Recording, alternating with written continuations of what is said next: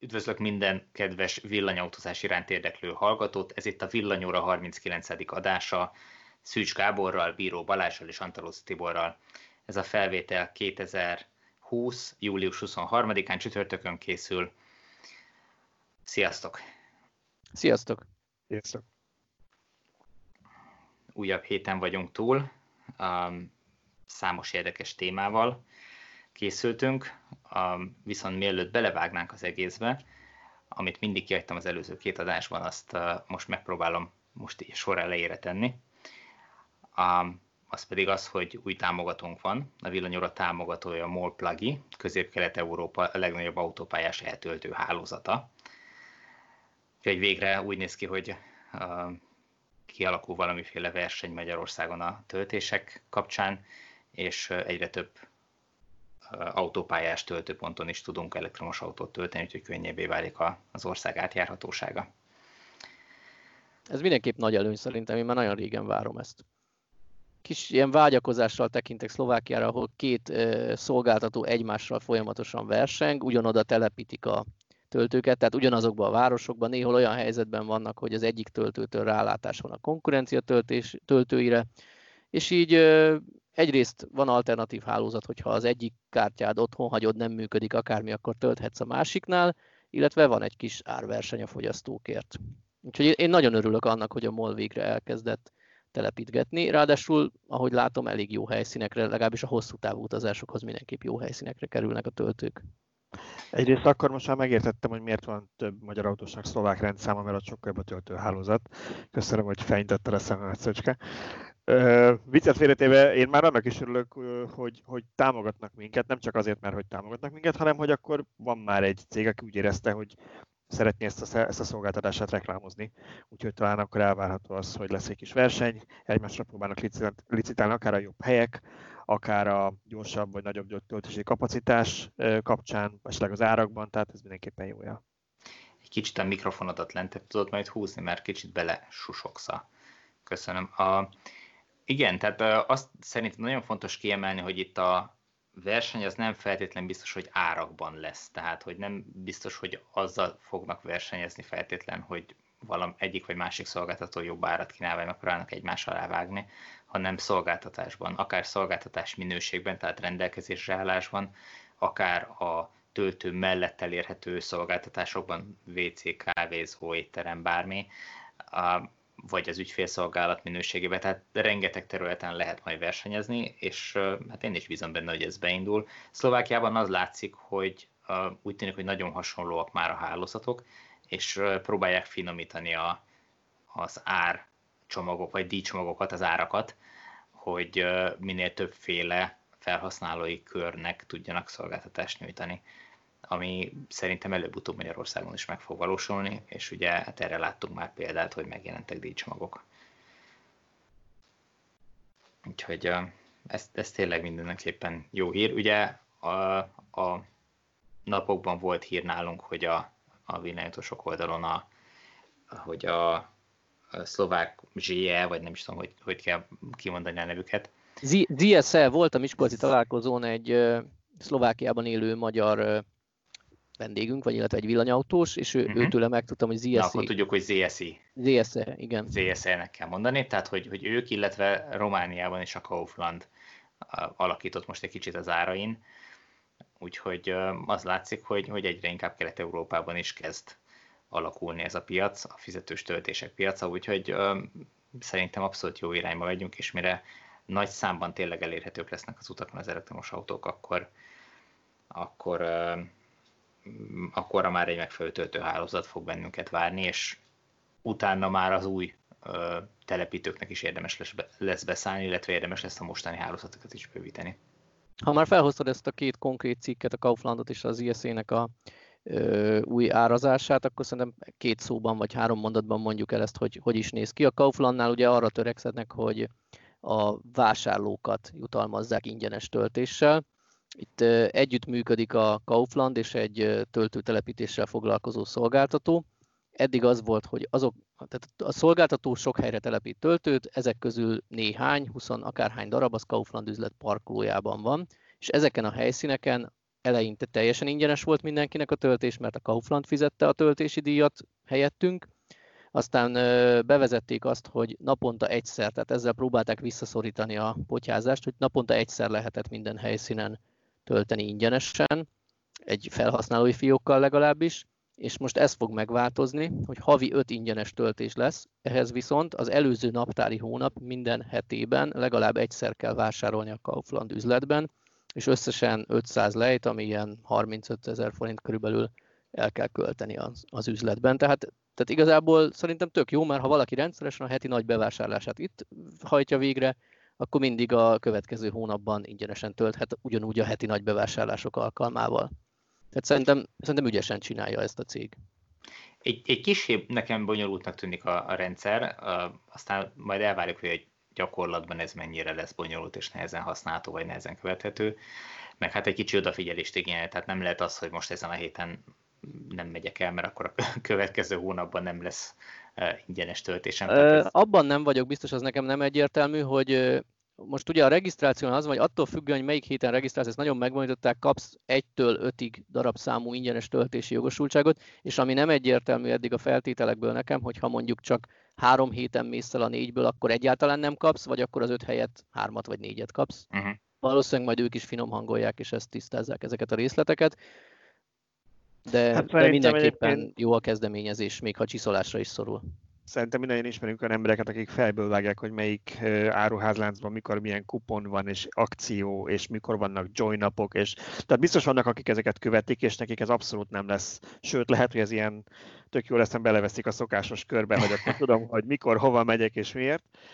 De erről már szerintem sokszor beszéltünk, hogy, hogy nem is értjük, hogy miért nem látnak ebben többen üzleti fantáziát. Most az egy adott dolog, hogy ugye a magyar jogszabályok előírják bizonyos üzlet méret fölött, hogy 100 autó parkolóenként mennyi villanytöltő kell, Erről is beszéltünk már párszor, hogy ugye senki nem tartatja be velük, ami nem egy túl jó dolog, de hogy ha már egyszer van egy ilyen, akkor, akkor ezzel lehet élni, mert azt nem írja elő senki, hogy ingyen kéne adni az áramot, és akkor minden ilyen szolgáltató, vagy áruház, vagy bevásárlóközpont eldöntheti, hogy, hogy most ezt ingyen adja, és erre épít egy marketing akciót, ettől lesz ő nagyon cool és zöld, és majd oda csábítja a tehetősebb vásárlókat, vagy pedig azt mondja, hogy akkor ilyen kuponos dolog van, vagy hogy tudom én évente egyszer, vagy évente havonta egyszer, kétszer, háromszor lehet tölteni ingyen. Tehát erre csomó megoldás lehetne, oda lehetne szépen szoktatni, vissza lehetne szoktatni az embereket oda, oda lehetne őket csávítani, és mégis itthon kevesen élnek vele, vagy nem nagyon láttunk még ilyet.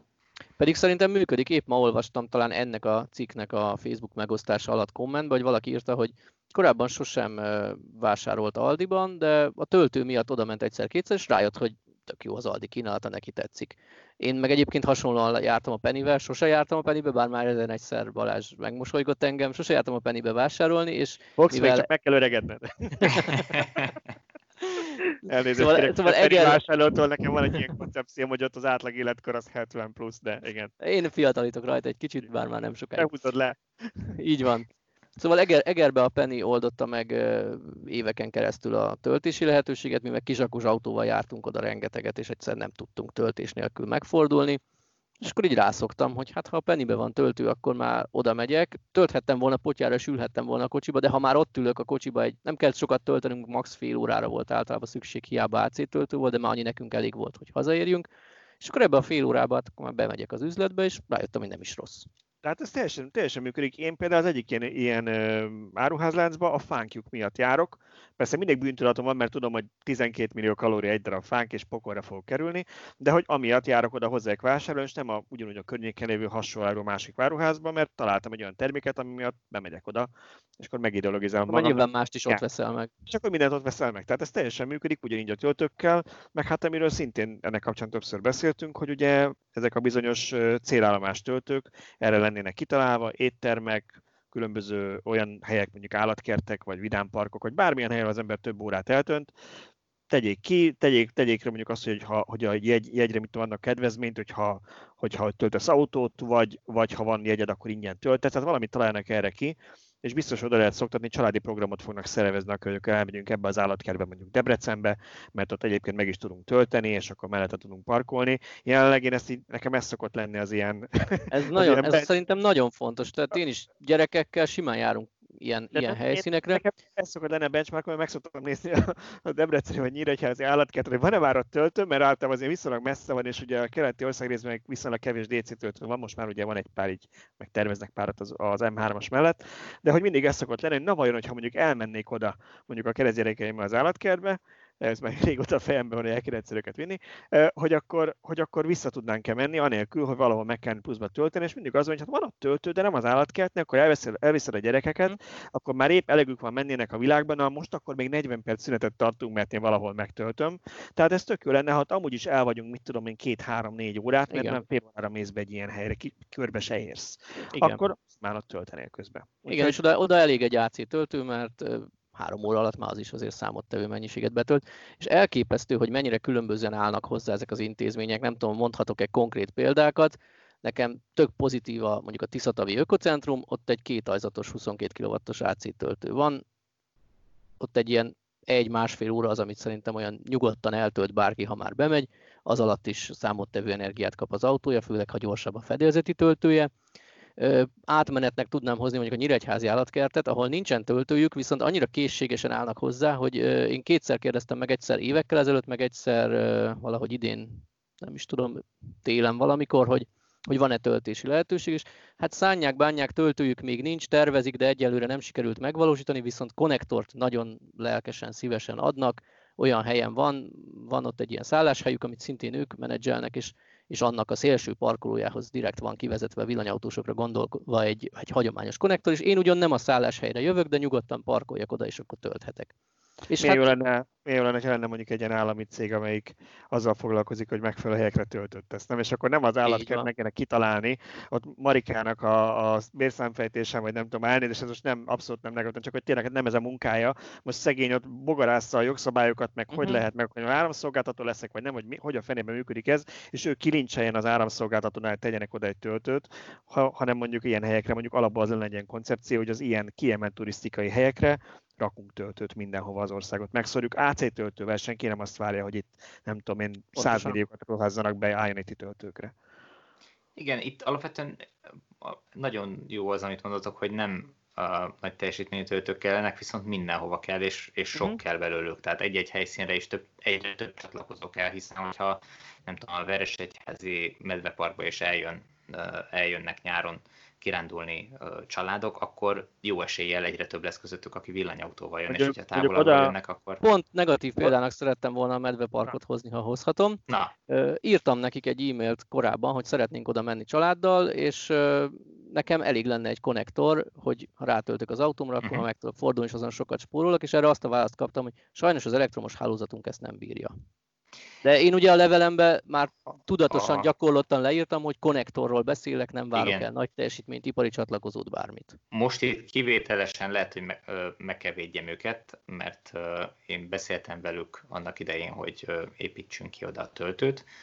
Ugye én Veresegyházi lakosként itt nekem ez így helyben szívügyem volt, és megnéztük, és tényleg ott a parkolóban, ahol a jegyszedő bódé van, ott tényleg csak valami 16 amper van kivezetve az egész bódénak mindennek együtt, tehát hogy, hogy effektíve hm. ott ha akkor nem lepatintottak, akkor, hanem valós probléma. Ha, ha minden igaz, akkor ott valószínűleg tényleg nincs áram. Van egy közeli épületben, ahol, ahonnan már azért ennyi idő alatt kihozhattak volna valami áramot, akár konnektort vagy bármit, de hát ha jól tudom, akkor még eddig nem, nem nagyon tették. De az a baj, az a baj, srácok, hogy oda, oda nem lesz elég az AC töltő, oda DC kell. Ráadásul ilyen nagyobb teljesítményű. Hát ott néha izgalmassá tud válni, nem a program, és akkor gyorsan kell tovább. Menekülni kell, amikor kiszökik egy maci? Ne, nem ott hát volt nemrég. Az, az oroszlán, nem az volt. Az oroszlán, igen. Igen. Hát meg uh, múltkoriban volt, hogy rókák mászkáltak itt a városba, és kerestek néhány rókát, amin este a, a pizsama fellövésnél nem jelentek meg, és és akkor kiderült, hogy, hogy valahol itt mászkálnak a városban. Tehát ilyen előfordul, de, de ettől azért még, még jó hely. Uh, igen, tehát a lényeg az, hogy, hogy minden ilyen uh, helyszínre illene töltött tenni, és jó lenne az a koncepció, és amit mondatok, de én mondjuk nem állami céget bíznék meg alapvetően ezzel, hiszen akkor soha nem lesz verseny. Miért ne lehetne ezt uh, tőkerős cégeknek fölajánlani ezeket a helyeket, és olyan konstrukciókat kínálni, hogy, hogy mit tudom én, akár egy MOL, hogyha ha fantáziát lát benne, akkor, akkor tegyen le töltőket ezekre a helyszínekre, ahol, ahol Tehát, hogy tényleg, ahogy te mondod, ne olyanoknak kelljen eldönteni és, és intézkedni a töltőtelepítés ügyébe, akiknek millió más feladatok van, és, és igazából nincsenek ebben benne napi szinten, tehát nem, nem ismerik a lehetőségeket, nem tudják az igényeket. Ezt nyugodtan rá lehetne bízni egy olyan, olyan profit cégre, amely ezzel foglalkozik. És, én, én, én teljesen értetek vele, tehát simán lehetne, én csak azt mondom, hogy ugye eleve az szerintem valamilyen szinten egy anomália, hogy egy állami cégnek kell ugye ilyeneket csinálnia. Ez azért van, ugyanúgy, mint az állami támogatás az autókra, mert még ennek az elején vagyunk, még nincs meg benne mindig az üzleti lehetőség, ugye pont most erről beszélgetünk, ezért ott a műsorban, és a támogat minket a plagi, azért, mert most már meg, kezd meg lenni üzleti lehetőség, és kezdenek egymással picit versenyezni a cégek, tök jó. Még mindig az elején vagyunk, és nem biztos, hogy minden helyen meg fogja ez rögtön érni. Ilyenkor van lehetőség arra, hogy egy állami szerv segítsen, de még odaig sem mennék, hogy mindenképpen ők telepítsék, de mondjuk, ha lenne egy olyan szolgáltatás, hogy segítenek az adminisztrációban, megszervezik, tehát hogy, hogy ne, ne neki kelljen ott kitalálnia, az már valószínűleg sok, sok helyen döntő lenne ilyen szempontból. De nem megyek bele újra a Balatoni strandjaimba és egyéb példáimra, hogy ez... elő, előhozok, de ezek tipikusan azok, ami, ami nekem mindig megszakad a szemem, amikor azt látom, elmegyek egy ilyen helyre, és azt látom, hogy körülnézek, na itt sincs. Pedig lehet. Igen, abszolút egyetértek. Tehát ö, nyugodtan lehetne egy olyan program, egy állami program, ahol azt mondja, hogy a nem tudom, évi hány ezer főnél nagyobb ö, turista forgalommal rendelkező helyszíneknél, ö, nem tudom, a park, ö, 100 parkolóhelyenként maximum 10 parkolóhelyen támogatják a töltő kialakítását, töltő csatlakozónként, mit tudom, 500 ezer forinttal. Simán, és nekem nem, két nem beszélünk nagy összegről. Igen. Két és bankban dolgozik, és pont ott a posztterminálokkal, ugye a bankkártya terminálokkal évek óta van ez most, azt nem tudom, hogy a Nemzeti Bank, de valahogy az állam támogatja ezt. Azt hiszem az első két évben havi nulla forintba kerül a terminál, pont az ilyen kis boltoknak, akinek sokba kerülne mondjuk 50 vagy 100 forintért megvenni egy terminált. Tehát vannak erre ilyen állami programok, amik pont ezeket segítik, ugyanígy lehetne töltőkre is. Így van, tehát ez abszolút nem lenne nagy összeg, mégis óriásit lendítene az egész programon, és beindítana olyan a szolgáltatóknak, a, vagy beindíthatnám olyan szolgáltatóknak a működését, akik utána ezt profitorientáltan tudnák később működtetni, csak hát valahol be kell indítani a, a, az egész rendszert, be kell lökni, hogy addig is működjön, és addig is tudja szolgálni az autósokat, amíg viszonylag kis számú autós fog megfordulni ezeken a helyeken, de néhány év múlva remélhetőleg az a 100, autó, 100 parkolóhelyenként 10 töltő az már kevés is lesz. Hát és épp pont erről beszéltünk múltkor Szöcskével, ő mondta, amikor, emlékszel, Szöcske, arról beszéltünk, hogy, vagy lehet, te mondtad, hogy szállás helyet kerestetek valamelyikötök. Első dolgon mit csinálsz, booking.com, első dolgon beixelsz, van-e ott töltő? Tehát akinek villanyautója van, az eleve így keres, így fog éttermet keresni, így fog ilyen turista attrakciót keresni, a gyerekekkel el tud menni, hogy megnézi, hogy van-e ott töltő, mert akkor lehet, hogy azt választja, mert egyszerűbb lesz az élete.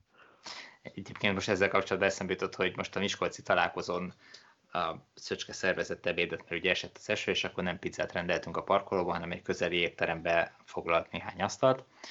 És én az igazság, hogy meg sem néztem, átküldte hogy pedig, hogy melyik étteremben lesz, de én meg sem néztem, és ott szembesültem vele, hogy annak a panziónak az étterméről van szó, ahova mi sok-sok évvel ezelőtt, nem tudom, négy-öt évvel ezelőtt, amikor még kezdő villanyautós voltam, elmentünk 24 kWh-órás Leaf-fel Miskolcra, egy ilyen családi programra, és ott szálltunk meg ebbe a panzióba, én meg úgy érkeztem meg, hogy gyakorlatilag már Miskolc közelébe nullát mutatott, vagy tehát semmit nem mutatott a kijelzője a kocsinak, úgyhogy abszolút lemerült autóval értem oda, és ott meglepetésszerűen tettem fel a kérdést, hogy villanyautóval jöttünk, ugye tölthetek valamelyik konnektorról, és tök lelkesek voltak és kedvesek voltak, és mondták, hogy persze, itt bármelyik konnektorra be lehet dugni, húzzam ki a hosszabbítót, és és tölthetek, úgyhogy uh, most így visszatértünk erre, a, erre a helyszínre, úgyhogy ez így egy Hosszabbító, apropó, hosszabbít, hosszabbított ne reklámozzuk ennyire, pont elnézést, nagyon random.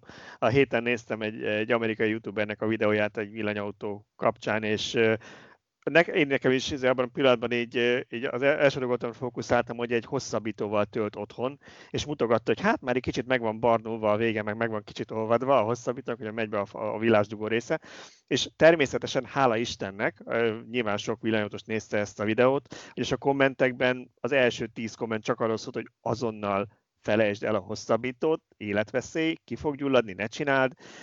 Úgyhogy szerintem ezt, ezt így zárójelbe tesszük, hogy a Tibor azt mondta, hogy a hosszabbítóval töltött. Um, az autóval közelebb állt a falhoz. Én, én, én fölvállalom azt, hogy akkor még nem tudtam uh, ezekről a dolgokról. és azt is felvállalom, hogy akkor még nem megfelelő hosszabbítóval töltöttem, mert most, most, hogy már látom, hogy mi van a háttérben, és már egy csomó mindent kipróbáltam, megégett már elhosszabbítom, azt is hozzá kell tennem, nyilván amiatt mert rácsuktunk egy ajtót, és ott sérült, és abban a pillanatban az már annyi. De hogy, hogy ha megfelelő a hosszabbítót, tehát megfelelő keresztmetszetű a kábel az adott hosszhoz és az áramerősséghez, akkor igazából nincs akadály annak, hogy az ember hosszabbítón keresztül töltsön.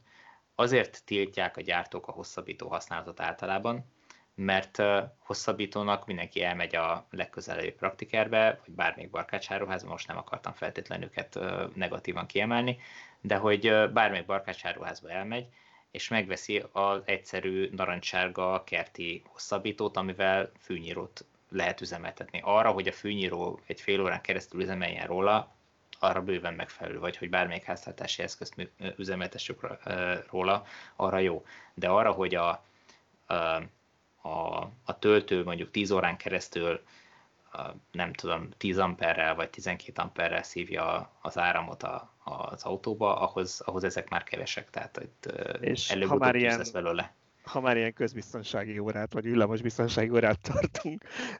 Én pont most dobtam ki egy ilyen hosszabbítót. Na nem autótöltésre használtam, hanem én évek között azért vettem, hogy így kempingezni.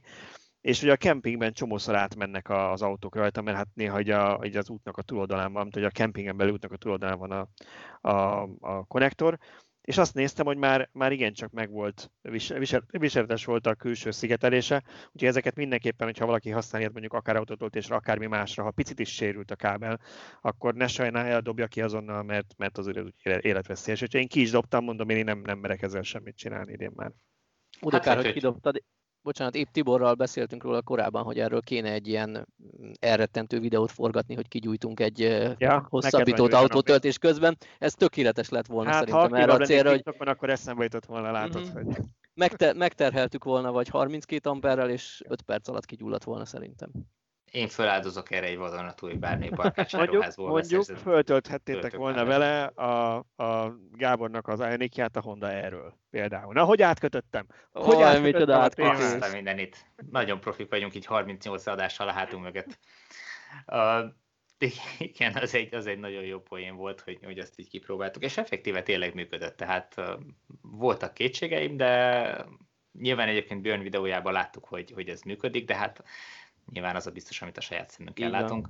De... Szóval, hogy akkor emlékeztetnék megint mindenkit arra, hogy a, a Gábor is nagyon okosan kezdte az előbb, hogy nem mindenki olvassa a cikkeinket, foglaljuk össze, hogy volt Tibornál egy Honda E, amiről csináltunk egy pontosabban most az új videósaink segítségével nagyon-nagyon profi videót, tényleg nagyon frankó lett, és aki mondjuk szeret olvasni is, annak a Tibor írt egy ilyen laza 4000 szavas tesztet róla, úgyhogy, úgyhogy megvan az is. És a Szöcske is ott volt, elvitték erre a találkozóra, erre a Miskolcira, ahol ugye én lógtam, csak meg én nem voltam ott, és akkor ott ugye feltöltötték, vagy töltötték egy picit Szöcskének a majdnem teljesen lemerült. Vagy kamuból lemerült. Kamuból lemerült, 50%-on volt véletlenül. Volt a kocsi. Meg hát gondoltam, hogy kell tölteni, azt tudjuk, tehát az meg végképp. Igazából az volt ebben a tanulságos, hogy először gondosan levettük a töltésvezérlőn és a autóban is a töltőáramot minimálisra, és így kezdtünk el törteni. Így készült az a remek vágókép, hogy 25 órát írt ki az Ionica 53%-ról 100%-ra töltés hátralévő idejére. Majd utána rájöttünk, hogy ó, valamit, valamit nem, vettünk, nem vettünk fel, valamelyik snittet, és akkor kihúztuk, visszadugtuk előre, és akkor elfelejtettük újra levenni a töltőáramot. Tehát még azért nem 12 ampert küldtünk rá, de ilyen körülbelül 8 amperrel működött akkor a töltés, és néhány percig úgy is ment anélkül, hogy leoldott volna benne valami védelem. Uh-huh. Igen, igen. Úgyhogy abszolút jól vizsgázott a Honda ennek a, a konnektora. Úgyhogy Arra a... simán alkalmas lehet, hogy valakinek a, van egy telke, ahol mondjuk nincs áram, és kimegy oda, és akkor erről megy a világítás, tévé, akármi este, ne, hogy Isten lenyírja a füvet, szerintem ezeket simán kibírja. És a kempingezéshez se kell az úttól áramot hozni. Milyen jól járnék, ha ezt vinném el kempingezni. Igen, de tudjuk, hogy te nem veszel ilyet, mert kicsi az akkumulátora nem kicsi annak az akkumulátora, tehát most 3 millió forintért abszolút jó autó, nem? Ja, értem. Tehát az árát rontották csak el. Nem, nem, ugye ez, nálunk volt erről egy kis ilyen belső beszélgetés, hogy Tibor nagyon elkezdett az autóról, amiben persze be lehet szeretni, mert pont az a típusú design, ami most valakinek vagy nagyon bejön, vagy nem, nagyon nem jön be. Nekem egyébként én a kettő között vagyok mégis, tehát hogy így tök jó pofa, meg minden, de úgy azért nem estem hasra, de, de egy jó pofa kis autó, tehát erről beszéltünk, mint a Mini, vagy miket mondtunk még, ami hasonló, uh, ilyen picit megosztó, de az Fiat i3, igen, igen, Fiat 500, ami biztos, hogy mindig meg fogja találni azt a kört, aki, aki ezt meg fogja venni, tehát már borítékat, hogy sikeres lesz, ez az autó ez nem fog megbukni. Csak én azt mondtam, hogy és persze nyilván megvan az a vevők Nyugat-Európában, aki szigorúan csak második autónak és hogy harmadiknak veszi, és szigorúan csak a városban rohangál vele. Azért alapvetően egy olyan autó, ahol azt látod, hogy 130-110 kilométerenként tölteni kell 100-nál, mennyi volt, az talán 150 kilométer tud elmenni. Nagyjából igen. Még akkor is, ha nem erre van kitalálva, szerintem 2020-ban, ugye a listáron 11 millió forintért, ez kevés. Ez, ez nem a mai, tehát ez az első generációs Leafnek a hatótávja körülbelül. Hát, ez így... Azért annál több egy kicsit. Tehát ugye ez valóságban is, ugye, hogyha a városon egy valóságban is kényelmesen tud 200 km, az első Leaf az nem tudott. Tehát az azért inkább az már a, a 30 kWh Leaf, ami, ami ezt tudta. Nyilván az egy kicsit kevesebb, vagy kisebb fogyasztással, és hát ugye nagyobb utastérrel tudta ugyanezt. De um, hogy mondjam, ez egy tényleg városi autó, tényleg második autó, és tényleg így kell kezelni szerintem. Tehát, hogyha ha valahol ezt, ezt megengedhetik maguknak, hogy egy divatautót vegyenek városi használatra, akkor szerintem ez abszolút ideális. Úgyhogy uh, én uh, ez uh, nem, nem, hoppá, ez nem biztos, hogy a videó ez, ez jó lesz. Uh, most ugye akik podcastba hallgatják, vagy csak hangfelvételt látnak, Szöcske bejátszott egy videót a vagy részletet a, a videóból, amit a Honda erről forgattunk. Akik csak mindegy, hangfelvételt szóval... látnak, Tibor? Ez igen, akik hangfelvételt hallanak, bocsánat. Uh, összekavarodtam, mint elrontottam. Na, szóval a lényeg az, hogy én második autónak így arra, amire én használom az autót, az esetek, nem tudom, 95%-ában, arra nekem tökéletesen megfelelne, és a Miskolci út bizonyította, hogy ha néha vidékre kell menjek, akkor is meg lehet vele oldani, még hogyha egy nagyon picit macerásabb is, mint mondjuk a Leaf-fel lenne, de, de, de nem hagyott és nem megoldhatatlan a feladat. Tehát én nekem tetszik annyira, hogy ezt bevállaljam. Most ez egy másik dolog, hogy, hogy per pillanat még 8,5 millióm sincs meg, ráadásul nem is pályáztam a pályázaton, de hogy uh, alapvetően én, én, én belevágnék, nekem tetszik a, a Honda-e. Um, és valószínűleg amennyit Európára szállnak, annyi embert találnak, aki ebbe belevágna. Tehát ezért Ez szinte mondom, teljesen biztos. Meg fogja találni a vevőkörét az így autó. Van, így van, így van. A 11 millió forintos ár az tényleg túlzás. Tehát a, bármennyire is jó technológiailag, bármennyire is jó, jók az újítások, amik benne vannak, annyit az autón nem ér. Tehát szerintem legalábbis pláne így, hogy valóban tényleg csak városi használatra jó. Egyébként a városi használatot erősíti az is, hogy a csomagtartó és rendkívül kicsi, tehát tényleg egy, egy komolyabb bevásárlással meg lehet tölteni az egészet, és tehát az, az, hogy egy család mondjuk elmenjen vele nyaralni, az, az kizárt dolog, tehát ez, ez nem erre való. De hát nyilván vannak gyerek még gyerek nélkül élő párok, nekik akár egyébként jó is lehet. Második autónak is kiváló, hogy tényleg ilyen városjárónak. Így van. Így van. De igazából van. szerintem ez egy, ez egy, ahogy te is mondtad talán a videóban, hogy egy, véletlenül utcára engedett tanulmányautó, vagy valami ilyesmi jelzővel Igen. illetted ezt a... Ott a Juros tv is, jól van. Szóval szerintem ez ilyen szempontból nagyon fontos a Hondának, hogy ők most, most ezen rengeteg dolgot kipróbálnak, kipróbálják, hogy hogy fogadja a közönség azt a retrót, ezt a kamerás tükröt, stb.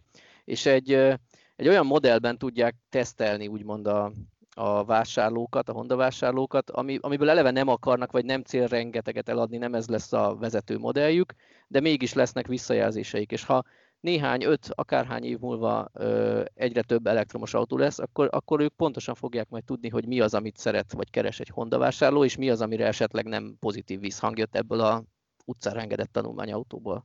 Egyébként, ha már így a, a technikai megoldásról beszélünk, akik, akik YouTube-on nézik, ők látták, hogy egy pillanatra a videón látszott a kamera, ez a bizonyos hátra visszapillantó helyetti kamera, és ez tök érdekes volt, Tibor, amit írtál, hogy te esőben is azt láttad, hogy soha nem volt vizes, Igen. nem volt maszatos a kép. Ugye akinek az autójában van tolatókamera, az tudja, hogy gyakorlatilag esőben azonnal elkezd összemocskolódni, felveri rá a sarat, vagy, vagy, vagy egyszerűen csak vizes lesz, és már nem jó a képe. És ugye erről beszélgettünk szerintem a kommentekben is valamelyik nap Tibor egy-két olvasóval, hogy önvezetés kapcsán, hogy ez egy viszonylag ilyen triviálisnak tűnő, vagy hát ilyen abszolút ilyen, ilyen ez a low-tech probléma, hogy most hát ne legyenek mocskosak a szenzorok meg kamerák, de ha ténylegesen önvezetésről beszélünk, és arról beszélünk, hogy egy autó értem jön üresen, tehát ember sincs benne, aki mondjuk kiszáll és letőli a kamerát, még ha vezetni nem is tud, akkor ez egy komoly probléma lenne, és mindenki gondolkozik rajta, hogy legyenek ilyen spritznik, ugye a kameráknál, vagy a Tesla-nak volt a még egyszer örült ilyen lézeres szabadalma is, ehhez képest a Honda-nál nagyon okosan kitaláltak egy olyan kis házikót ennek a kamerának, ami egyelőre úgy néz ki, aztán persze rally versenyen ilyen dagonyában nem próbáltad, de egy normál esős körülmények között vagy olyan az aerodinamikája annak a kameraháznak, hogy nem megy a vízcsepp a kamerára. Ez, a, amit te mondasz, ez az oldalsó kamerákra Igen. igaz. Ugye a középső tükörhöz tartozó kamera, az a hátsó szélvédőnek a tetejére van applikálva belülről, és olyan helyre van téve, ahol a hátsó ablaktörő lapát eléri, a, eléri a, ezt a kis ablakot, amin kilát ez a kamera, tehát a, annak a képe is tisztán van tartva, ráadásul amikor az ember hátramenet bekapcsolja az autót, akkor automatikusan töröl egyet ez a lapát, tehát letisztítja az ablakot. Úgyhogy Legalábbis esőbe, bocsánat, nem, nem mindig, csak hogyha esik az eső. Valószínűleg, ha az esőérzékelő elől igen, igen, érzékeli. Igen, igen ezekben több van. autóban láttam ma már így extrákban, vagy extra listákat böngészgettem, ami egyébként egy olyan fajta újítás, ami, hogy mondjam, lehet nélküle élni, de alapvetően szerintem szinte semmiben nem került a gyártónak, és egy tök okos dolog, nem? Hogyha látja az első érzéke, hogy eső Igen, van, és egy 150 ezerére el lehetett adni. Hát, ugye ennek ennyi fel ára pluszba? De nem tudom, nem, ebben nem, de, ja. de, de Remély, reméljük van, egyre... van olyan márka, amelyiknél a marketingesek ezt beáraszták ügyesen. Benne, igen. Vagy a szélszesek. Igen, tehát de vannak okos megoldások, meg jobb dolgok ebben az autóban, egyértelmű, egyértelmű. Igen, tehát visszatérve arra a problémára, amit említettél, hogy a kommentekben beszélgettünk, ez ugye a Tesla-nál is probléma lesz még, hogy az oldalsó kameráknál ott semmiféle tisztítási lehetőség nincs a, a, a kamerák ablaka előtt. Tehát, hogyha ott az koszos lesz, bekoszolódik, akkor az, az koszos, azon nem fog kilátni már többet a, a kamera, mindaddig, amíg valaki egy tehát egy ember meg nem takar, vagy le nem takarítja azokat, úgyhogy... A egy software update-et megoldják. Ja, értem, bocsánat, erre nem gondoltam, hogy ezt, ezt így meg fogják tudni oldani. Szóval ez, ez, egy, ez egy alap probléma, ezen majd valahogy túl kell lendülni, és, és meg kell oldani. Úgyhogy, de a, a, ami tükröket oldalra felszereltek, azok a Honda E-ben, azokat tényleg nagyon ügyesen alakították ki. Egy olyan vízor van kialakítva a kameraháznak a tetején az, az optika fölött, amin lecsöppen egyszerűen a vízcsepp, tehát nem fog ráfolyni a, a kamerára, és a gyakorlatban sem folyik rá. Ez, hogy mondjam, tényleg olyan hihetetlen, mert amikor a, a, a tükröket nézed a, a sima kocsiba, az is mindig vizes, hogyha esik az eső, akármit csinálsz, mert, mert egyszerűen ráfolyik innen, onnan, amonnan, ott, ott ezt nem sikerült megoldani, valószínűleg nem is nagyon akarták, de ennél a kameránál ilyen gond nem volt. A másik érdekesség, ez a cikkben is benne van, hogy ha hátulról süt a nap, akkor a sima tükör az, az nagyon tud vakítani, hogyha ha úgy áll a nap, hogy, hogy pont mögött vagy mögüled jön a fény, kora reggel mondjuk, vagy késő este, és a kamera ezt is nagyon jól megoldja, mert a, az egyszerűen a, a blendit úgy összeszűkíti valószínűleg, vagy, vagy visszaveszi az érzékenységét a, a szenzornak, hogy, hogy a, a kép teljesen normális lesz, annak ellenére, hogy vakít a, a napfény, úgyhogy ez is egy óriási előnye ennek a megoldásnak.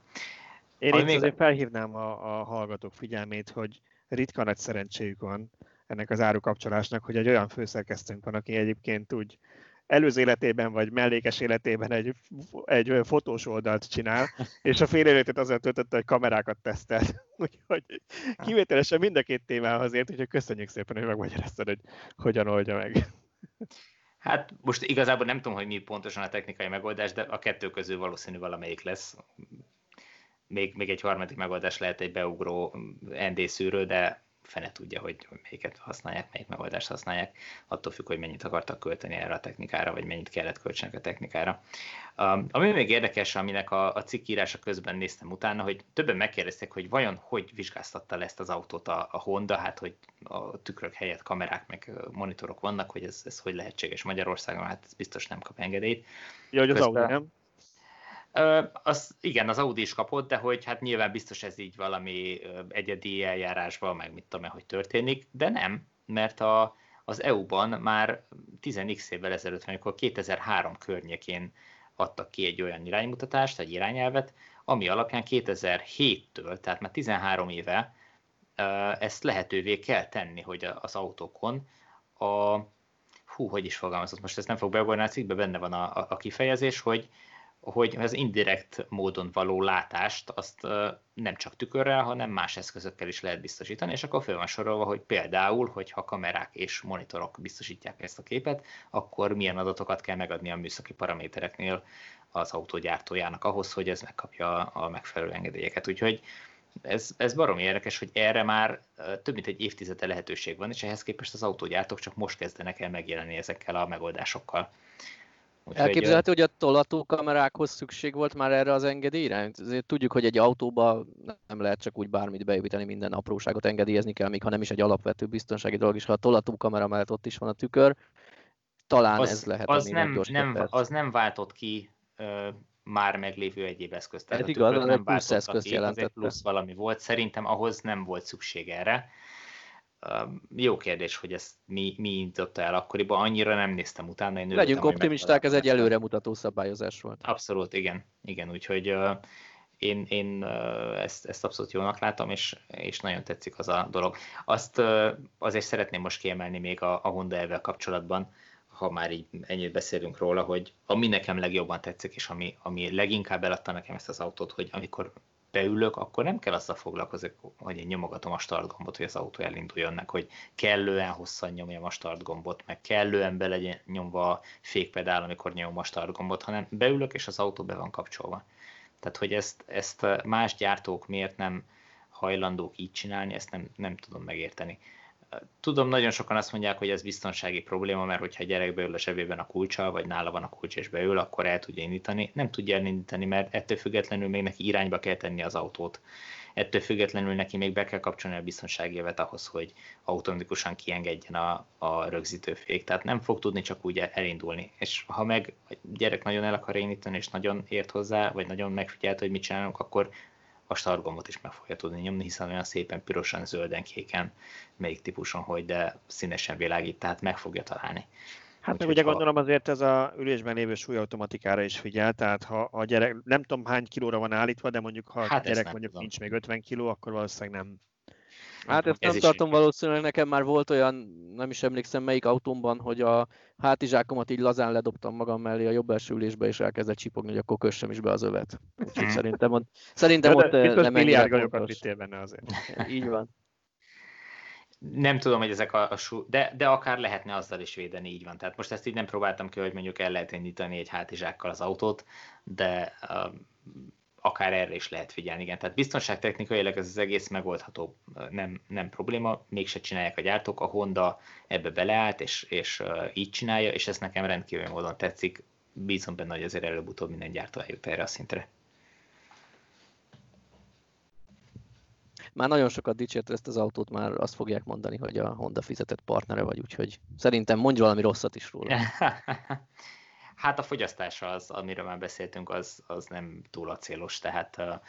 Kicsi az akkumulátor, de legalább sokat fogyaszt. De legalább sokat fogyaszt, igen, igen. tehát hogy ez, ez, ez, is, ez is csak azt a, a képet erősíti, hogy ez nem, nem országútra, nem autópályára való autó, tehát Hát gondolom itt is azért, ugye, ezek a kamerák elsősorban nyilván van benne egy ilyen cool faktor is, de ugye azért kerülnek be a visszapillantójára, hogy csökkentsék a légellenállást és növeljék a hatótávot, de ezzel együtt azért ennek az autónak van egy karakteres dizájnja, ugye ez a, ez a, ez a sármja, tehát nyilván ennek az oltárán ők feláldoztak valószínűleg egy kis légellenállást, mert nem az volt a fókusz, hogy minél laposabb, ha mondjuk mellé rakod az Ionicot, ami arra van kihegyezve, hogy, hogy lecsusszanjon róla a levegő, ennek nem pont olyan a formája. Hát nem hiszem, hogy ez, ez légellenállás vagy egy probléma, valami, valamiért a, az egész rendszernek a hatékonysága nem kellően jó.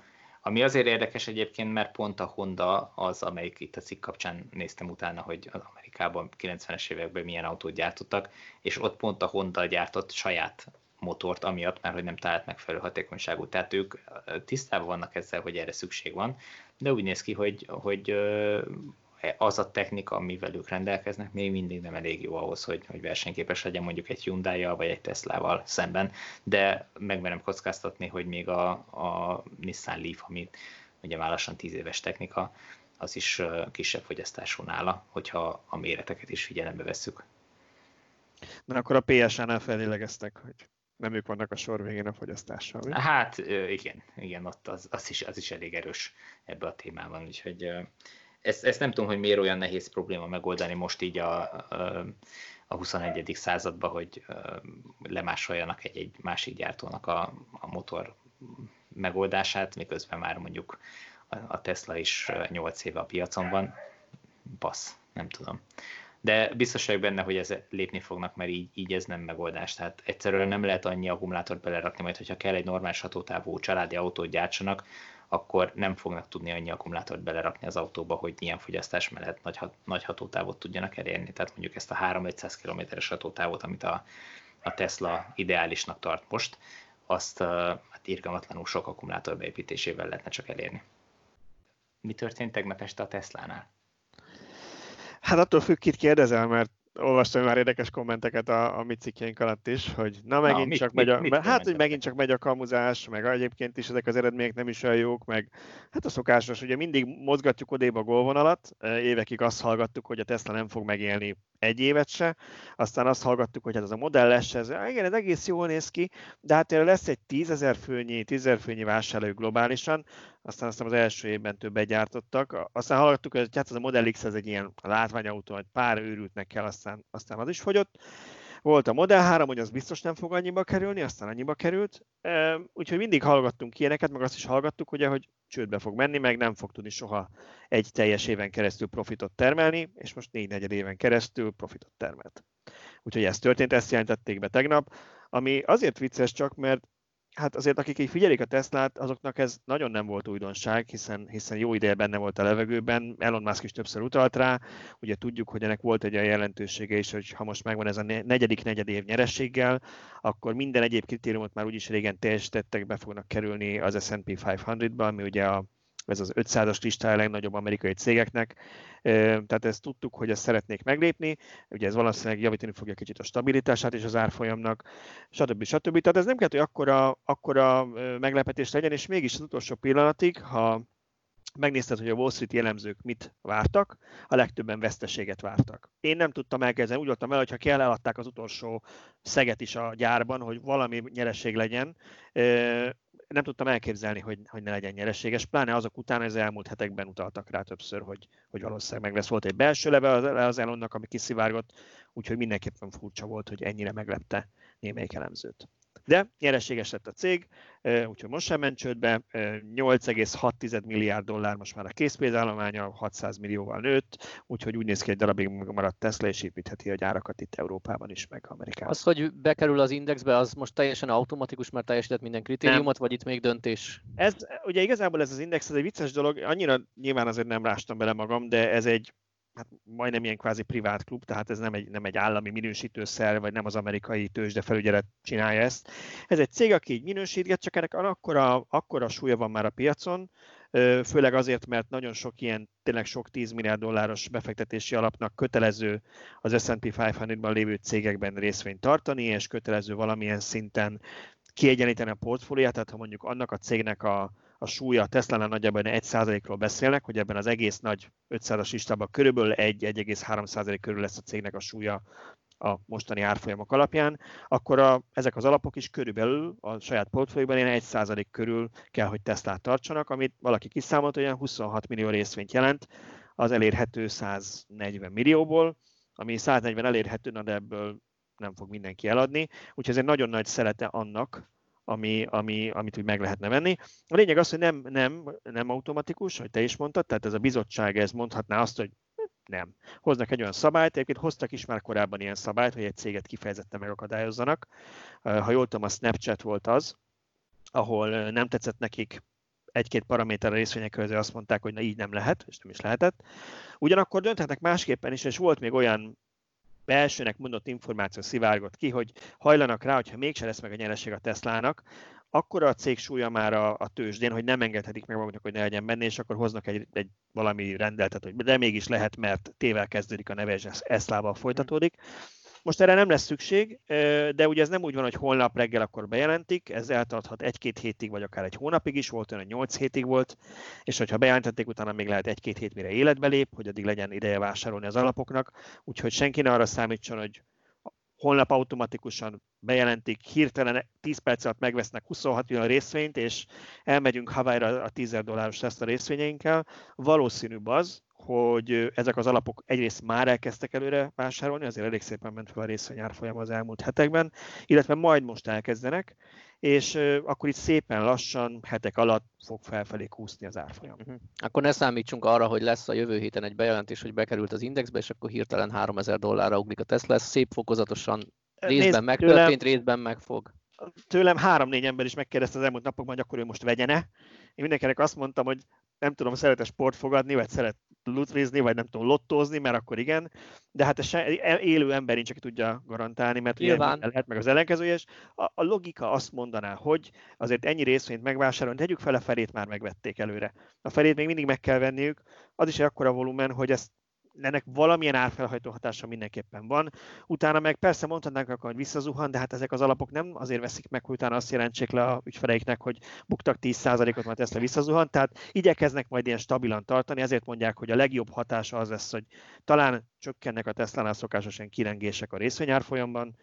Úgyhogy azt mondaná a logika, hogy igen, és hát azért ne felejtsük el, hogy bár korábban, ami volt ez az autonómia nap tavaly, ugye az autopilotnak meg a önvezetésnek a technikai háttérét mutatták be, az nekünk így kockáknak, meg villanyautós érdeklődőknek tök érdekes volt, de azért úgy nem mozgatta meg a tőzsdei árfolyamat azonnal.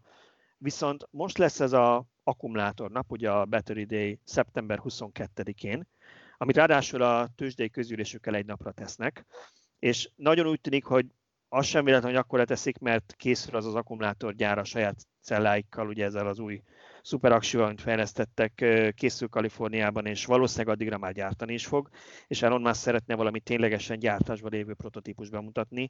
Én még azt sem tartom kizártnak, hogy kapunk egy frissített S-et, vagy X-et, vagy mindkettőt ezzel az új plate hajtáslánccal és az új aksikkal. Ugye elkezdik az új aksikat gyártani, az valószínűleg először kis példányszámban. Ez egy viszonylag tudom én, évi 60-70 ezer példányszámba gyártott két autó, tehát ebben mondjuk meg lehetne csinálni, hogy akkor ezek kapják meg először. Amúgy is ők a zászlós hajók, tehát logikus lenne. Amúgy is rájuk fér egy kis vérfrissítés, tehát logikus lenne. Szóval ez így várható, hogy bejelentik, és ha ezt így ténylegesen meglépnék, akkor ennek még lehet megint egy pozitív hatása, hiszen szeptember 22-én nem azt mondanák, hogy itt van ez a szuper Tesla aksa, amit majd két év múlva valamikor lehet gyártani, hanem azt tudnák mondani, hogy ja, egyébként tegnap óta gyártásban van, és mondjuk a legerősebb modell S meg X meg lehet rendelni, és mondjuk egy három hét múlva kezdjük kiszállítani.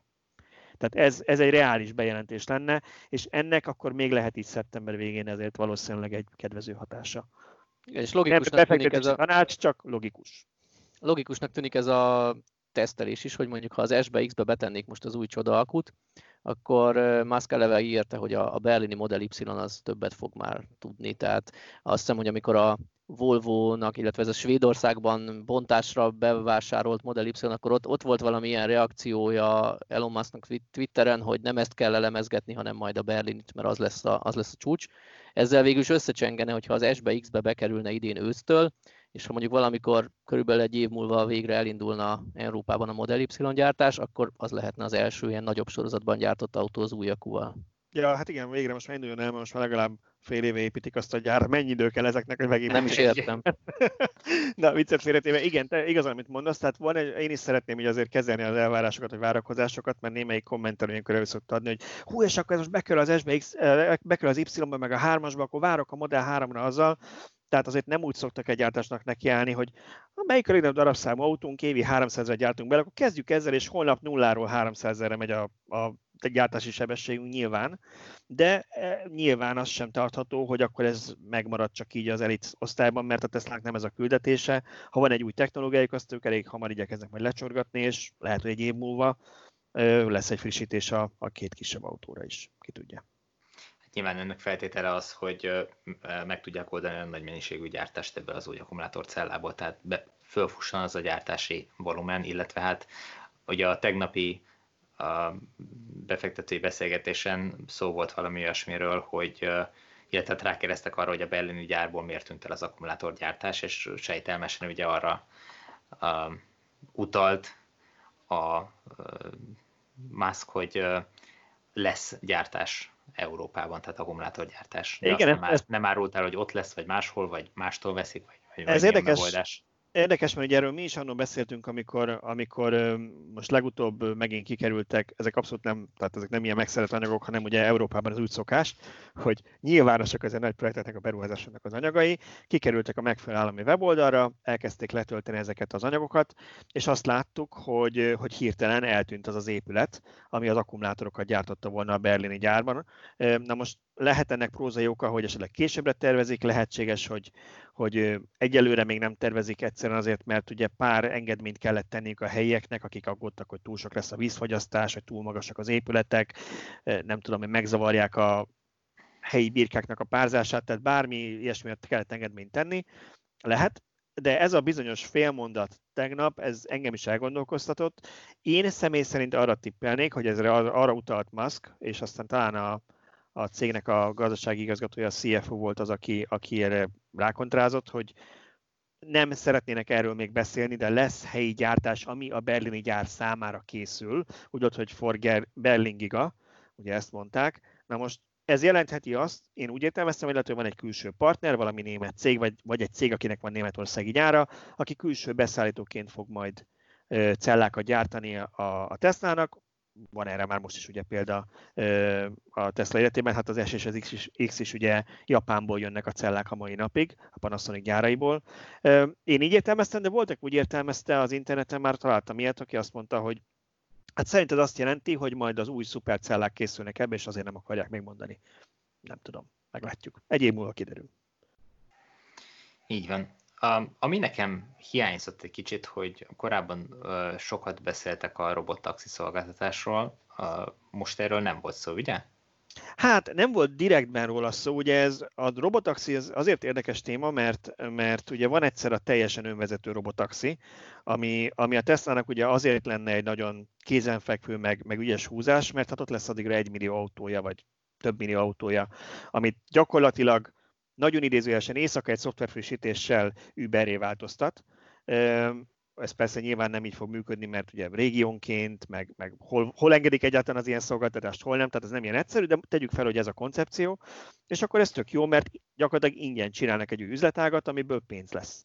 Aminek ráadásul valószínűleg ilyen 50%-os haszonkulcsa lesz, mert hát ugye azért ennek a infrastruktúra nagy része már rég meg lesz, neki nagyon sok pénzt nem kell beletenni. És ugye erre következtettek sokan abból is, hogy a Tesla, amikor a Model 3-at elkezdte árulni, és most a Model y is pont aktuális, mert most változott az értékesítés Amerikában, hogy megjelent a leasing opció ott is.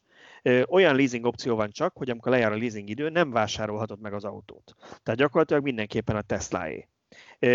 Na most nyilván ez van ilyen leasing opció Magyarországon is, de itt nincs az alternatíva, és megveszed. És akkor már sokan azt találgatták, hogy azért csinálja a Tesla, mert mire három évesek lesznek az első leasingelt Model 3-ak, addigra már kell nekik saját flotta a robotaxihoz. Szóval a robotaxi, robotaxi, ugye erről nem volt szó, visz, érintőlegesen mindjárt mondom, hogy volt róla szó, viszont ennek van egy olyan lebutított verziója is, ami, ami nem, egy, nem egy annyira lábjegyzetes megjegyzés, hogy egy pár ilyen konferencia beszélgetés előtt beszéltek róla, hogy lehetséges, hogy el fogják indítani az emberi vezetőkkel, tehát a normál ilyen Uber-szerű szolgáltatást is. Egyrészt azért, mert ez végül ugyanaz lenne, csak nem, nem a kocsi vezeti magát, hanem a sofőr, de ez a Teslásnak is jó, mert tud, tud vele keresni, lehet, hogy még többen, akik ilyet szolgáltatást akarnak, ugye, vagy ilyet akarnak üzemeltetni, mondjuk Uber sofőrök, ők Teslát fognak ezért venni. Eleve valószínűleg árban nagyon versenyképesek lennének a Liftel, Uberrel, ezekkel a cégekkel, mert sokkal kevesebb lesz nekik a költségük, velük nem kell egy céget erre föntartaniuk, de minden szempontból jó, és ugye, ami a plusz, hogy egyrészt hamarabb be tudják vezetni, mint a robotaxit, másrészt pedig bele tudnak tanulni ebbe az egész szolgáltatásba, hogy hogy néz ez ki. Szóval van egy ilyen opció is erre, és most erről se volt még szó. Egy dolog mhm. kapcsán jött elő, hogy valaki rákérdezett, hogy van a Tesla-nak ez a biztosítási terméke, amit itthon nyilván annyira nem ismernek, mi is sokat beszéltünk róla, mert itt nem aktuális, de Amerikában elkezdték Kaliforniában biztosítást is árulni a Tesla az autóihoz, és ez első sorban csak egy sima mezei biztosítás egyébként, azért kezdték el, mert nagyon sok biztosító egekben tartott a Teslákra a biztosítási árakat, és akkor ők saját maguk lejjebb vitték, hirtelen lejjebb mentek a biztosítási árak. Viszont ennek van egy olyan vonzata is, hogy van, lesz ennek egy második verziója majd, ami már azt csinálja, hogy ugye minden elmentett vezetői profilra az, az autó rengeteg adatot gyűjt. És minden sofőre saját magára tudnak egy személyre szabott árat adni majd úgy, hogy az ő vezetési stílusa, meg múltja, meg habitusa szerint a, ők mennyi kockázatot látnak benne, és ha valaki mondjuk alapvetően kulturáltan vezet, meg nem szokott állatkodni, meg mit tudom én, nem, nem a autopilota azt mondja, hogy 99%-ban egyetértettem azzal, amit döntött, akkor lehet, hogy kap egy jobb árat. Sokkal jobbat akár, mint a másik. Mert ugye ma mi van? A biztosító azt mondja, hogy budapesti lakos vagy-e, férfi vagy-e, hány éves vagy, piros autód van, ezek alapján te valószínűleg egy állat vagy az úton, és fizessél háromszor, mint mindenki más, most nyilván túlozva nem tudják személyre szabotani, hogy Tibor, de én tudom, hogy te tök jól vezetsz, és nálad ez abszolút nem gond, és te fizessél csak tízezeret, mert az életben nem lesz baleseted. Itt ezt meg lehet majd csinálni, és ennek kapcsán merült föl, hogy na majd a robotaxinál kötelező lesz a Tesla biztosítás, vagy lehet más cég is, aki biztosítja a robotaxit. Uh-huh. Ennyi, ennyi, ennyi, ilyen mértékben volt róla szó. Ja, ja. Nekem rögtön az jutott itt eszembe, hogy a feleségem fotójával fogok mindig beszállni a Teslámba, és felmutatom a kamerának, és már is sokkal jobb feltételeket A súlyautomatikára figyelj, tudod, mert lehet, hogy tudod, a feleséget könnyebb, mint Igen. Na, jó, Na de ennyi. Volt még a tegnapi uh, konferencia hívásban néhány érdekes részlet ugye a gyárakkal kapcsolatban. Hogy... A gyárakkal kapcsolatban szerintem azok, azok tök érdekesek voltak. Megmondom őszintén, hogy a sokkot nem kaptam, mert azért ez megint olyan dolog volt, szinte mindegyik, amiről valamennyire lehetett tudni. Kezdjük a Giga Texas-szal akkor talán. Ugye tudtuk, Vagy Giga a... Austin. Giga, vagy Giga Austin, fenesre tudja, hogy fogják hívni, mert ugye van itt Giga Nevada is, ott az államról nevezték el, Giga Berlin a városról, Giga Shanghai a városról, tehát van egy megint egy izgalmas találgatási lehetőség. Na de hogy a lényegre térjünk, szóval, hogy azt lehetett, hogy a Tesla valószínűleg Texasban akarja a Cybertruckot majd gyártani, és arról is volt majd szó, hogy valószínűleg nem csak egy autót fognak itt akar gyártani, hanem, hanem jó lenne, ha már nem egy gyáruk lenne Amerikában, és mondjuk a keleti partra lenne egy külön gyár az Y-ra meg a 3-ra. Most hivatalosan bejelentették, hogy Austin-t választották, ami egyébként a Texasnak a fővárosa, és volt szerencsém ott lenni, aki YouTube-on néz, látja ezt a képet, ez saját, tehát most véletlenül sem rabol, raboltunk a netről, hanem ez a saját fotóm. Úgyhogy, úgyhogy ez egy tök, tök szép, meg tök jó, tök jó ilyen kis városka, és van egyébként egy nagyon jó műszaki egyeteme, tehát nagyon sok ilyen űrkutatási cég is van ott a környéken, tehát van egy jó kis tech világ ott, és ennek a közelében fogják felépíteni a gyárat, ahol a Cybertruckot gyártják az egész világra, hármat és Y-t Amerik, Észak-Amerika keleti partjára, és a Tesla Summit, tehát a kamiont is itt fogják majd gyártani. És elvileg gyakorlatilag egy ilyen 12-18 hónap alatt akarják felhúzni a gyárat. Úgy tudjuk 1,1 milliárd dollárból ez napközben derült ki egy másik anyagból.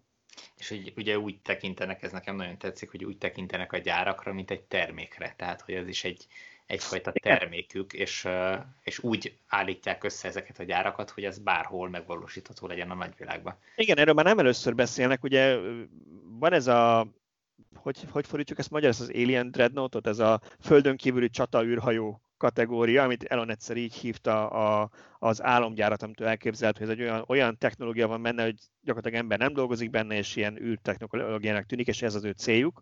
És azóta ezt számon körik rajta, hogy na ez mikor jön, ez mikor jön, mert még mindig emberek dolgoznak a gyárában. Szerintem ebből egy kicsit visszavet, mert ugye a Model 3 ez elég rosszul sült el, úgyhogy most annyira nem erőltetik. Pedig a koronavírusnak hogy be tudott volna inteni most? Egyébként, de most belegondolsz, igen, igen. Na, meg hát akkor terminátorokat is lehet majd gyártani, magukat gyártják. Na, de viccet félretéve, szóval, szóval valóban ezt már akkor is elmondták, hogy ők a gyára is úgy tekintenek, mint egy termékre, sőt, tegnap kicsit így bele is lelkesültek a konferencia beszélgetésben, hogy ott ment a, ment a gíkeskedés, hogy hú, hát ők jobban is élvezik ezzel foglalkozni, mint az autó tervezésével, mert sokkal nagyobb mérnöki kihívás, és ha bárkinek van kedve csatlakozni, jöjjenek, mert minden gyárnál szükség van arra, aki majd segít ott optimalizálni, meg minél jobb és jobb gyártósorokat kitalálni. Úgyhogy valóban így gondolnak erre, és azért az látszik, hogy ugye a, hát a Fremonti gyár ez egy adott történet volt, ugye egy régi autógyárat kvázi szereltek fel, azóta sátrakat húznak fel, meg bővítgetik, meg minden, de hát az egy ilyen adott történet. Ott volt a nevadai gyár, ami ugye a mai napig csak az egyharmaddal készültsége, mert közben annyival jobb lett az akkumulátorgyártás, hogy az egyharmad alaprajzon már megtermelnek annyi aksit, mint eredetileg terveztek de az már ugye a saját terv volt. És aztán ott van a Shanghai gyár, amihez nyilván kellett a kínai építőipar, meg az ott szokásos ilyen államilag támogatott engedélyeztetés, ahol mindenki azon a rányomja a bélyegzőt, hogy ne vigyék el a családot utána a fekete autóval. Úgyhogy azért abban ez is benne volt nyilván, de ott ezt ilyen 24 óra beépítették hatalmas reflektorokkal, és, és ugye elkezdett gyártani 11 hónappal az alapkületétel után a gyár. Most itt van a berlini gyár, ami egyébként ö, elég jó tempóban halad. Nem annyira látványos még, ami, ahol most tartunk, mert, ö, mert hát az ember azt látja csak, hogy mi van pár, pár oszlop, meg pár betondarab, de azért itt volt egy 90 hektárnyi ilyen ültetett fenyőfa, amiket ugye ilyen papírgyáraknak ültettek, azt ki kellett vágni, utána ki kellett szedni a gyökereket, akkor föl kellett tölteni az egész terepet, hogy egy szintbe legyen ilyen homokkal, utána akkor nagyon kemény alapozást kellett csinálni, ugye most leginkább a nehezebb gépek alapjait csinálják jelenleg, meg arra kezdtek oszlopokat megépíteni, csarnokokat, a fényezőzemmel kezdik. Szóval, hogy nem annyira triviális, de valaki megcsinálta az interneten egymás felé rakta a kínai gyárral, és eddig pariba van az, az üteme, ahol ennyi hónap után gyartott, tartott a Shanghai gyár. Most ezek után az Austini gyárban nyilván az összes eddig szerzett tapasztalatot fel fogják használni, és lehet, hogy nem irreális, hogy tényleg akár egy év alatt megépítsék. Az a Shanghai gyárról készült legfrissebb fotó, amit betettél a cikkbe, az, az döbbenetes, hogy gyakorlatilag már, hát nem is tudom, bőven duplájánál járnak a Hát ez, ez nekem, se volt, igen, nekem se volt eredetileg annyira tiszta, de ha az ember követi ezeket, van egy pár ilyen elvettem, hogy YouTube-os, aki, aki drónnal fotózza egyfolytában azt a gyárat, Szóval, hogy ez az új fázis, amit most már 2A és 2B néven emlegetnek. Én szerintem, bár nyilván az optikai csalóka lehet, de többször már néztem, hogy szerintem nagyobb, mint az eredeti. Uh-huh. Nem az, nem az, hogy ugyanakkor a még egyszer, de arról volt szó, hogy lesz mellé még ugyanekkor a gyár, ezt csinálja a hármas, azt csinálja az Y-t, nem, nem, nem, ez nagyobb. Hogy miért nagyobb, mert esetleg több Y keresletre számítanak Kínában, mint hármasra, vagy már arra tervezik, hogy más autókat is tudjanak így gyártani, ezt nem tudjuk, nem mondták meg, de ez egy nagyon döbbenetesen nagy gyár, és ugye ugyanúgy, ahogy az első fázisnál, a falak épp hogy állnak, épp hogy már nem ázik be, mert már van rajta valamilyen tető, még abszolút még szerelik kívül, meg még ásatások vannak, de már bent telepítik a gyártósorokat. Tehát már az Y-hoz a hatalmas nagy présgép elkerült, és a robotok is már szépen rajta van még a fólia, de majd valaki valamelyik éjszaka így ilyen elvetemült arccal lehúzza róla, a kicsomagolásos videója közepén, és azok a robotok is már eh, ott vannak a gyártósorok mellett, szóval egyre inkább hihető, hogy hát hivatalos a jövő év elején, gyakorlatban szerintem novemberben elkezdik az Y gyártását. Hm. Ez szédületes.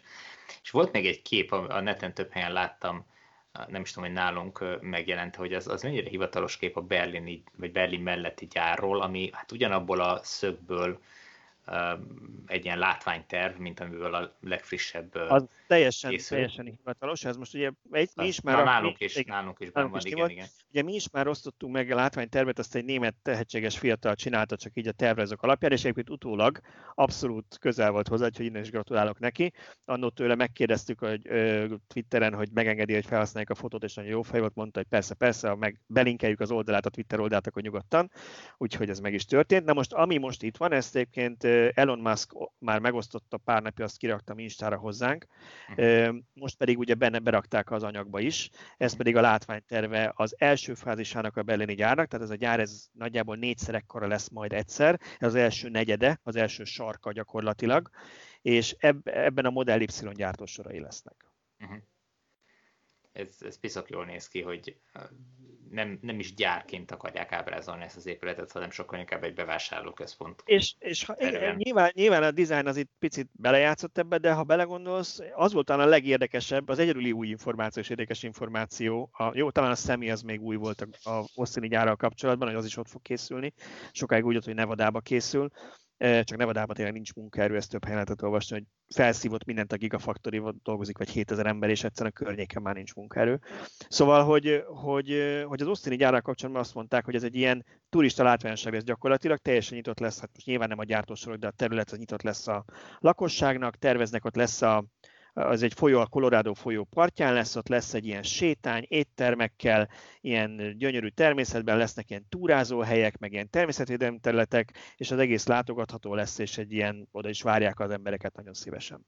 Ami szerintem, ennek egy része persze a marketing, de a másik része az, hogy a Tesla-ról szoktuk mondani, hogy igazából ilyen tech cég és ugye Austinról mondtam, hogy egy nagy tech központ. Uh-huh. Ők egy ilyen kampuszra akarják szerintem csábítani a fiatal mérnököket, uh-huh. nem egy gyártósorba a puszta közepére, hanem egy ilyen cool helyre akarják, hogy menjenek, mintha egy ilyen Apple campus néznél, úgyhogy szerintem ez is mögötte lehet azért. Simán elképzelhető, de egyébként Amerikában azért nagy hagyománya van annak, hogy a gyárak ilyen látogatóközpontokat üzemeltetnek, ahol be lehet menni, és nyilván egy elkerített részen üvegfal mögül meg lehet nézni a gyártást. Hát, ugye Fremontban is el lehet menni, csak picit borsos az ára, mert venned kell egy autót hozzá. Igen, igen. és igen, akkor elmehetsz meg. De már gyűjtünk rá, úgyhogy igen. előbb-utóbb bejutunk. Ne, de a, a legjobb, ami, ami számra így a legérdekesebb volt, az, az Washington DC-be az amerikai nyomdának is van ilyen látogatóközpontja, és megnézheted, hogy hogy készítik a dollárt. Igen, igen, ott én is voltam. Úgyhogy uh, Amerikában tényleg sok ilyen, ilyen jellegű központ van, és hogyha egy ilyenre alakítják ki az új texasi gyárat, akkor biztosra vehető, hogy ez reklámnak sem lesz rossz, hiszen egy csomó ember már csak így látványosságként el fog menni, és ha megismerkedik hogy azzal, hogy hogy készül az autó, akkor nyilván sokkal inkább kedvet kaphat ahhoz, hogy, hogy vásároljon. Én is azóta gyűjtök dollárt, amióta jártam a nyomdában. Előtte legyűjtöttél mi? De egyébként, de egyébként, egyébként a Volkswagennek volt ebben egy nagyon jó ötlete, ugye Európában emlékeztek rá a, Ez az üveg. A, az üveggyár, igen, ahol, ahol megnézhetted a saját autót, ahogy készül, ez nyilván a legdrágább autójukra volt csak igaz. Az egy tök, azt szerintem egy nagyon laza ötlet volt, hogy elmész, ott ülsz a fotelbe, és körülötted ott csinálják az autót, és közben nézed. Igen, abszolút nyilván, tehát ezek, ezek szerintem mind nagyon fontosak, és uh, ma még kevés autógyártó uh, alkalmazza ezeket az eszközöket, hogy uh, promotálja saját magát. És hát ugye a Tesla különösen erős ebben, most még csak nagyon röviden volt a héten az a hírünk, amikor uh, lerak, ami arról szólt, hogy ugye leraktak Sánkhájba, vagy, vagy hol Igen. egy ilyen uh, PUBG-s játékból származó dobozt, konténert letakarva, hogy mi lesz belőle, mi nem lesz, valószínűleg csak egy játéknak a promója, de, de ugye ügyesen elérték azt, hogy az emberek beszélnek róla, és hát minden egyes ilyen akció pénzben szinte kifejezhetetlen mértékű reklám a cégnek, akárhonnan is nézzük. Úgyhogy ezek kellenek, és ezt a Tesla rendkívül jól csinálja. Hát és ebben az a vicc, hogy, hogy alapvetően nálunk is tök sokan olvassák ezt a cikket, többen, mint én gondoltam volna, pedig ez egy kínai marketing akcióról szólt, és ahhoz képest ugye mi is erről írtunk, meg, meg nálunk is tök sokan olvasták, tök sokan kommentáltak rá, és közben egy olyan játékról beszélünk, amit általában 400 millió kínai töltött le, de nyilván Magyarországról ezt nem igazán lehet használni, nem hiszem, hogy bárki ezt itt játszaná mondjuk a kínai videójátékot. Na, de minden esetre nyilván ott ez Kínában, ez egy fontos megjelenés volt a, a Teslának amivel el tudta érni azt, hogy róla beszéljenek a, a kínai sajtóban, a kínai bloggerek, a játékos közösség, úgyhogy de ezt, ezt ugye minden területen jól csinálják.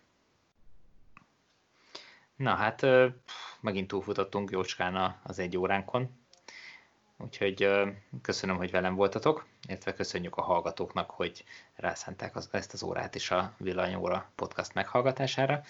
Aki még nem iratkozott fel a csatornánkra, valamelyik podcast lejátszó alkalmazáson keresztül, azt tegye meg, érdemes, és ezzel nyilván jelezheti az alkalmazásban, hogy ez egy érdekes podcast.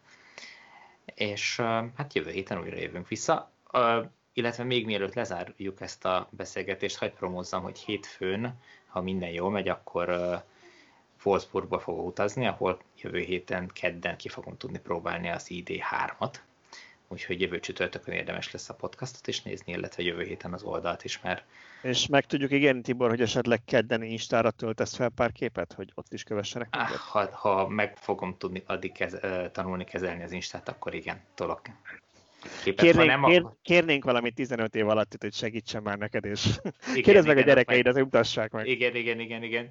Úgyhogy ha más nem, akkor küldök nektek, és akkor majd ti fölrakjátok. De nem, meg, meg, meg fogom oldani. Meg fogom oldani. Úgyhogy uh, megpróbálok minél jobb anyagot, vagy több anyagot összehozni róla, és bemutatni mindazt, amit, amit akkor megtudok. Illetve, hogyha van kérdésetek, olvasók, hallgatók, mindenki, aki, aki érdeklődik az ID3 iránt, írjátok meg a podcast alatt hozzászólásban, hogy mi érdekelne az autóból leginkább, mi az, amit megnézzek, kipróbáljak, amiről beszámoljak, fotót csináljak, kipróbáljak, tehát bármi, ami, amire ott esetleg lehetőség lesz. Szorítani fog az idő, ha, ha, ha minden jól megy, akkor reggel 9 környékén fogom megkapni az autót, és megadott útvonalon kell lejutni valahova, ott ebéd, és utána visszajutni a reptérbe, és háromkor már a gépen fogok ülni, tehát rendkívül szoros a, a program, de hát ami ebbe belefér, azt megpróbálom megcsinálni. Úgyhogy ha vannak javaslatokat, akkor azokat várom a kommentek. Én arra azért kíváncsi lennék majd, nem adok ötletet az olvasóknak, írják meg mi érdekel őket. Engem ami érdekelne, hogy ti ugye Szöcskével ezt megnéztétek autókiáltáson. Uh-huh. És ugye ezt a több, típus tényleg többen várják, mi is elmondtuk, hogy neked volt még talán foglalásod is rá. Igen, hát én, meg én is, is van tulajdonképpen. Igen, én is azt mondtam, hogy nekem is ez nagyon bejön ez az autó, tehát abszolút jó jelölt lenne. Amire valószínűleg kint nem fogok tudni válaszolni, az, hogy Magyarországon mikortól lehet rendelni, mert ugye itt van egy ilyen talán, hogy egy nagyon picit még túlógjunk az időn, ugye van az állami támogatásos történet, és uh-huh. én például már megkaptam rá a, az okiratot, szerintem valószínűleg egyszerre kaptuk meg nagyon sokan, de nem hiszem, hogy túl nagy különbség lenne itt az a igénylők között. Nekem október 14-ig kell ellőni, tehát például, ha én idén hármat szeretnék venni, akkor addig meg kellene tudnom rendelni, aztán van másfél évük legyártani, meg a szoftvert ráhegeszteni, 18 hónap ugye még leszállíthatják, de, de nekem október 14-ig például meg kellene tudnom rendelni uh-huh. a mhm. Pure alapverziót. És valószínűleg nem csak én gondolkodom így, hogy, hogy van-e erre lehetőség, ha ezt meg tudják mondani, de valószínűleg ezt kint nem fogják ott a mérnökök. Velünk lesz a, az úton a Volkswagen márkaigazgatója oh, Magyarországról, úgyhogy, úgyhogy ha, ha ő nem tudja, akkor senki. Így van, én megfordítanám, hogyha valaki tudja, akkor ő az a, igen, igen. az a személy, úgyhogy tőle meg fogjuk ezt tudni kérdezni. Bízunk benne, hogy válaszolhat is rá.